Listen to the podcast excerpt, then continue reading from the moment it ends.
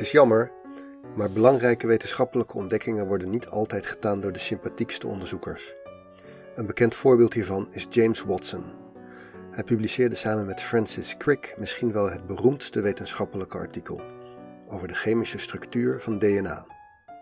Maar James Watson was ook een ontzettende lul. De Nobelprijs voor het ontrafelen van de structuur van DNA moest hij delen met Crick en Maurice Wilkins. Maar er was nog een vierde onderzoeker die een zeer belangrijke bijdrage aan het werk had gedaan, namelijk Rosalind Franklin. Ze was helaas al overleden voordat de Nobelprijs werd toegekend. In plaats van haar bij de ontvangst nog even postuum in het zonnetje te zetten, werd haar bijdrage doodgezwegen. In het boek dat Watson een paar jaar later schreef over de hele zoektocht, werd haar rol helemaal weggeschreven en deed hij zelfs heel kleinerend over haar. Inmiddels weten we dat hij zo zuur deed over haar aandeel, omdat hij resultaten van haar werk zonder toestemming onder ogen had gekregen. Hij had vals gespeeld. Ook in de decennia daarna bleek keer op keer dat James Watson zichzelf vooral in de schijnwerpers kreeg door onuitstaanbaar lompe uitlatingen te doen over de intelligentie van Afrikanen, de wenselijkheid van het aborteren van een foetus als je zou weten dat die homo was, enzovoort. Vandaag een verhaal over de decodering van de genetische code en over hoogmoed die voor de val komt, met James Watson in een bijrol. Hier is Nooit Geweten, aflevering 22. Het is eigenlijk ongelooflijk hoe weinig we in de jaren 50 van de 20ste eeuw nog maar wisten over genetica. De erfelijkheidswetten van Mendel waren al best oud, dat werk was al gedaan rond 1860. Ongeveer in diezelfde tijd had Darwin ons uitgelegd hoe belangrijk erfelijkheid gecombineerd met natuurlijke variatie was bij het ontstaan van soorten. Maar hoe dat eigenlijk werkte, waarom kinderen op hun ouder lijken, daar hadden we nog steeds geen duidelijk idee van. Het was duidelijk dat het iets met cellen te maken had, want de rol van de zaadcel en de eicel bij de voortplanting was wel duidelijk. Het moest dus iets zijn wat in zo'n cel zat. Het was wel bekend dat er in een celkern een heleboel eiwitten zaten en ook iets dat DNA werd genoemd. DNA bestaat uit ketens van vier verschillende componenten, zogenaamde nucleotiden. Die vier nucleotiden noemen we bij de eerste letters van hun nogal lastige namen, namelijk A, C, G en T. Maar omdat het DNA van alle mensen uit ongeveer dezelfde hoeveelheden A, C, T en G bleek te bestaan, was niet duidelijk hoe je daarmee de erfelijkheid zou kunnen aansturen. Een andere theorie was dat de erfelijkheid zat in de eiwitten zelf. De verhouding tussen al je eiwitten zou dan de basis zijn voor al je eigenschappen en het lichaam is dan op de een of andere manier in staat om die eiwitten precies na te maken. De zaadcel en eicel zouden dan voorbeeld-eiwitten bevatten van de benodigde eiwitten in precies de juiste verhoudingen, zodat het nieuwe leven een soort mengsel werd van de eiwitten van vader en moeder. Watson en Crick deden onderzoek aan de chemische structuur van DNA en dachten dat misschien een ander aspect daarvan de erfelijkheidsdrager kon zijn. Tegenwoordig weten we dat DNA bestaat uit twee heel lange strengen die als een dubbele helix om elkaar heen gewikkeld zijn. En dat het die precieze volgorde van de nucleotiden in die strengen is die bepaalt wat voor eiwitten er worden aangemaakt. Daarvoor is het dan wel van belang dat je die volgorde precies kunt kopiëren. De sleutel daarvoor zit bij DNA in de specifieke koppeling van de nucleotiden in de beide strengen. Tegenover een A zit altijd een T, tegenover een C zit altijd een G. Als je de strengen uit elkaar trekt en bij elke nucleotide een nieuwe tegenhanger zoekt, dan heb je aan het eind twee precies dezelfde lange moleculen met precies dezelfde volgorde van de nucleotiden. In het artikel in Nature waarmee Watson en Crick die dubbele helixstructuur bekend maakten, valt al te lezen dat ze zich beseffen dat deze structuur daar mogelijkheden voor biedt. Het is de laatste zin en het is misschien wel de beroemdste zin uit een wetenschappelijk artikel. Ik doe hem even in het Engels. It has not escaped our notice that the specific pairing we have postulated immediately suggests a possible copying mechanism for the genetic material. Met het ophelderen van de structuur van DNA begon onmiddellijk de volgende race: het ophelderen van de genetische code. Als je een heel lange reeks van A, C, G en T nucleotiden hebt, hoe wordt daarmee dan het bouwplan van een mens of een orchidee bepaald? Het was iedereen wel duidelijk dat het erom ging om op het juiste moment de juiste eiwitten aan te maken. Bijna alles in ons lichaam werkt met eiwitten, ofwel proteïnes. Sommige zijn bouwstoffen van de cellen, sommige hebben heel specifieke functies in de chemische processen van het lichaam, zoals enzymen. Van eiwitten wist men in de tijd al veel meer. Eiwitten zijn ook lange ketens. Maar de schakels van eiwitketens bestaan niet uit nucleotiden, maar uit aminozuren. En er zijn niet vier verschillende, maar twintig. Op zich bestaan er chemisch gezien wel meer aminozuren, maar de eiwitten van het leven op aarde, alle eiwitten van alle leven op aarde, is opgebouwd uit 20 aminozuren. De functie van een eiwit wordt bepaald door de specifieke volgorde van aminozuren. Die zorgen dat een eiwit een bepaalde vorm heeft en op sommige plekken chemische verbindingen aan kan gaan en op andere niet. Die precieze vorm bepaalt dat het ene eiwit geschikt is om het skelet van een cel mee te bouwen en een ander eiwit in je speeksel helpt om zetmeel op te knippen in suikers. Het leek dus wel logisch dat op de een of andere manier die heel lange slierten DNA met honderden miljoenen nucleotiden worden omgezet in slierten van honderden tot tienduizenden aminozuren in eiwitten. Maar hoe dan precies? Sommige aspecten waren al gauw duidelijk. Op elk van de 23 verschillende DNA-strengen, oftewel chromosomen, van een mens, moesten een heleboel verschillende eiwitten staan beschreven, want er zijn heel veel soorten eiwitten. Het leek er ook op dat er een tussenstap bestond. Naast DNA is er in de cel namelijk ook een heleboel RNA. RNA lijkt heel erg op DNA, maar in plaats van de nucleotide T is er een vervanger, genaamd U. Ook is RNA geen dubbele helix met die bekende paren. RNA is een enkele streng en het zijn ook veel kortere stukjes dan het DNA. Zo'n stukje heet tegenwoordig messenger RNA. Er werd al wel vermoed dat misschien eerst een stukje DNA werd omgezet naar RNA en dan vervolgens vandaar naar een eiwit. Leuk om te weten, maar nu hebben we het probleem eigenlijk alleen verplaatst van DNA naar RNA. Hoe codeert zo'n stuk RNA met vier verschillende bouwsteentjes nou voor een eiwit met twintig verschillende bouwsteentjes? Om even naïef te beginnen.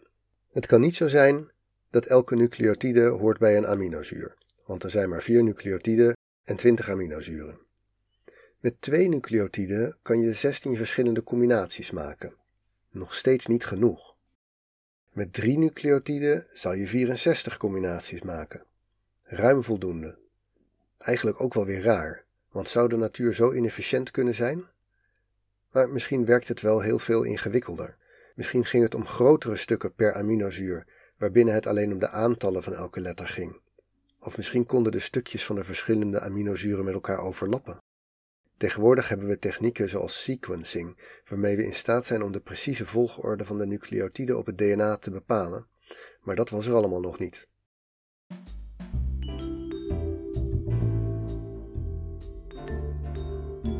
James Watson kende een zekere George Gamow, een redelijk vooraanstaand theoretisch natuurkundige, maar daarnaast een zeer kleurrijk figuur. Een practical joker die graag wetenschappelijke discussies voortzette in de kroeg om daar tot diep in de nacht limericks te zingen en drankspelletjes te spelen. Gameoff en Watson waren ervan overtuigd dat de oplossing van de genetische code gevonden kon worden door diep over het probleem na te denken vanuit zoveel mogelijk verschillende perspectieven. Samen besloten ze een min of meer geheime club op te richten om het probleem te kraken. Ze nodigden toppers uit verschillende gerelateerde vakgebieden uit. Dus theoretisch natuurkundigen, fysisch biologen, chemici, wiskundigen, etc. Sommige van deze mannen, alleen mannen, waren inderdaad de absolute toppers in hun gebied. Andere waren achteraf misschien meer gewoon een goede bekende van Gameoff. De bekendste namen in de lijst zijn Watson en Gameoff zelf, Francis Crick en Richard Feynman. De club had precies 20 leden voor de 20 te coderen aminozuren. Elk lid van de club heette binnen de club ook naar zijn eigen aminozuur. Dus Feynman bijvoorbeeld heette binnen de club glycine. Elk lid kreeg van Watson en Gamow een zwarte wollen stropdas toegestuurd, met daarop in geel en groen geborduurd de structuur van RNA. Daarnaast kreeg elk lid een unieke dasspeld bij de das met daarop de drie lettercode van zijn aminozuur. Zo noemde de club de RNA Tie Club. Tweemaal per jaar kwam de club bij elkaar. Die bijeenkomsten waren vooral gezellig en er kwamen flinke hoeveelheden alcohol en sigaren aan te pas. Tussen de bijeenkomsten door werd er veel per brief gecorrespondeerd tussen de leden van de club. De club vormde een aantal jaren lang een vruchtbare voedingsbodem voor het verzinnen van nieuwe concepten en originele oplossingen voor het voorliggende probleem. Het moet ook heel inspirerend voor de twintig zijn geweest om op dit niveau met de absolute elite van de wetenschappen ideeën uit te wisselen. Zes van de twintig mannen zouden later een Nobelprijs winnen. Een paar delen van de oplossing van de genetische code kwamen ook wel uit de koker van deze twintig heren. Maar uiteindelijk kwam de doorbraak naar de ontcijfering van de code uit een heel andere hoek. Niet uit een clubje al gearriveerde oudere wetenschappers. Niet uit het idee dat deze puzzel te kraken moest zijn met pure breinkracht van absolute topdenkers uit de hoek van de theoretische natuurkunde en wiskunde, maar vanuit een jonge bioloog die pas laat was overgestapt naar de meer chemische benadering van de biologie. Hij behaalde zijn master namelijk in de zoologie, een beetje een ouderwets stuk van de biologie in de ogen van mensen zoals Watson. Zijn naam was Marshall Nierenberg. Nierenberg was dus een vrij klassieke bioloog. Van jongs af aan had hij een interesse in dieren gehad. Hij groeide op in Florida. Vogels kijken, slangen vangen, spinnen verzamelen, zo'n soort jeugd. Bijna logisch dat hij biologie ging studeren. Opmerkelijker was de stap na zijn master's thesis. Hij besloot zijn promotieonderzoek te doen in de biochemie, een gebied dat hipper en hotter was, maar waarbij je nauwelijks meer levende natuur te zien krijgt. Na zijn promotie kwam hij te werken bij het National Institute of Health in de hoek van het kankeronderzoek. Al vrij snel nadat hij daar was begonnen, stelde hij voor om te proberen de genetische code te kraken. Hij was toen 30 of 31 jaar oud en de RNA Tie Club had inmiddels vijf jaar lang de tanden stuk gebeten op het probleem. In een review van zijn voorstel noemde een van de senior scientists het voorstel academische zelfmoord. Maar het hoofd van zijn afdeling zag het gelukkig wel zitten en dat was kennelijk genoeg. Nierenbergs aanpak was heel anders dan die van de Dasserclub. In het lab creëerden ze een soort in vitro cel, een situatie in een reageerbuis met alle betrokken eiwitten uit de cel erin, maar geen DNA of RNA. Hiervoor gebruikten ze relatief simpele cellen van bacteriën. Vervolgens gingen ze kijken wat er gebeurde als je er DNA bij indeed, of RNA. Ze vonden al vrij snel dat inderdaad niet DNA, maar RNA direct codeert voor een eiwit. Vervolgens synthetiseerden ze stukken messenger-RNA, maar niet met die vier verschillende nucleotiden door elkaar in heel specifieke volgordes, maar met alleen de letter U. Dus lange RNA-strengen met U, U, U, U, U, U, U, U, U. Bij het analyseren van de eiwitten in het mengsel na afloop vonden ze een nieuw eiwit dat alleen uit fenylalanine-aminozuren bestond. Achteraf was dit resultaat het eerste harde bewijs voor hoe de genetische code in elkaar zat. Er moest natuurlijk nog veel geëxperimenteerd worden om de hele code te kraken, maar dit eenvoudige, elegante experiment bleek de sleutel tot de code. Alleen wist de rest van de wereld dat nog niet, want deze groep was niet echt een plek waar de ogen van de wereld op gevestigd waren. In 1961, Nierenberg was inmiddels 34 jaar oud, waren er genoeg resultaten om te presenteren. Zijn voorstel werd geaccepteerd bij het International Congress for Biochemistry, dat dat jaar in Moskou werd gehouden. Dat soort congressen is enorm groot. Je moet je voorstellen dat ongeveer 6000 biochemici die week door de gangen liepen en in grotere en kleinere zaaltjes naar elkaars presentaties zaten te kijken. Nierenbergs presentatie was gepland in een klein zaaltje en er waren enkele tientallen toehoorders. Een van die toehoorders was Francis Crick, die een tip had gekregen dat dit verhaal echt de moeite waard was. Hij was erg onder de indruk, zag meteen de grote stap die hier was gezet en stelde voor dat Nierenberg het verhaal nog eens zou houden bij de plenaire slotsessie. Tijdens die presentatie werd Marshall Nierenberg op slag een beroemdheid onder biochemici. Het schijnt dat mensen halverwege zijn verhaal de zaal uitrenden om telegrammen naar hun collega's thuis te sturen om alles om te gooien en ook op deze manier te gaan zoeken naar de volledige code. Binnen een maand was Nierenbergs artikel gepubliceerd en binnen een paar jaar was de gehele genetische code opgehelderd. Het bleek inderdaad om groepjes van drie te gaan, waarbij soms meerdere combinaties hoorden bij hetzelfde aminozuur. inderdaad niet super efficiënt, maar dat is de evolutie niet altijd. Vandaag de dag basisstof op de middelbare school. Van de RNA Thai Club is nadien weinig meer vernomen. Dit was een aflevering van Nooit Geweten.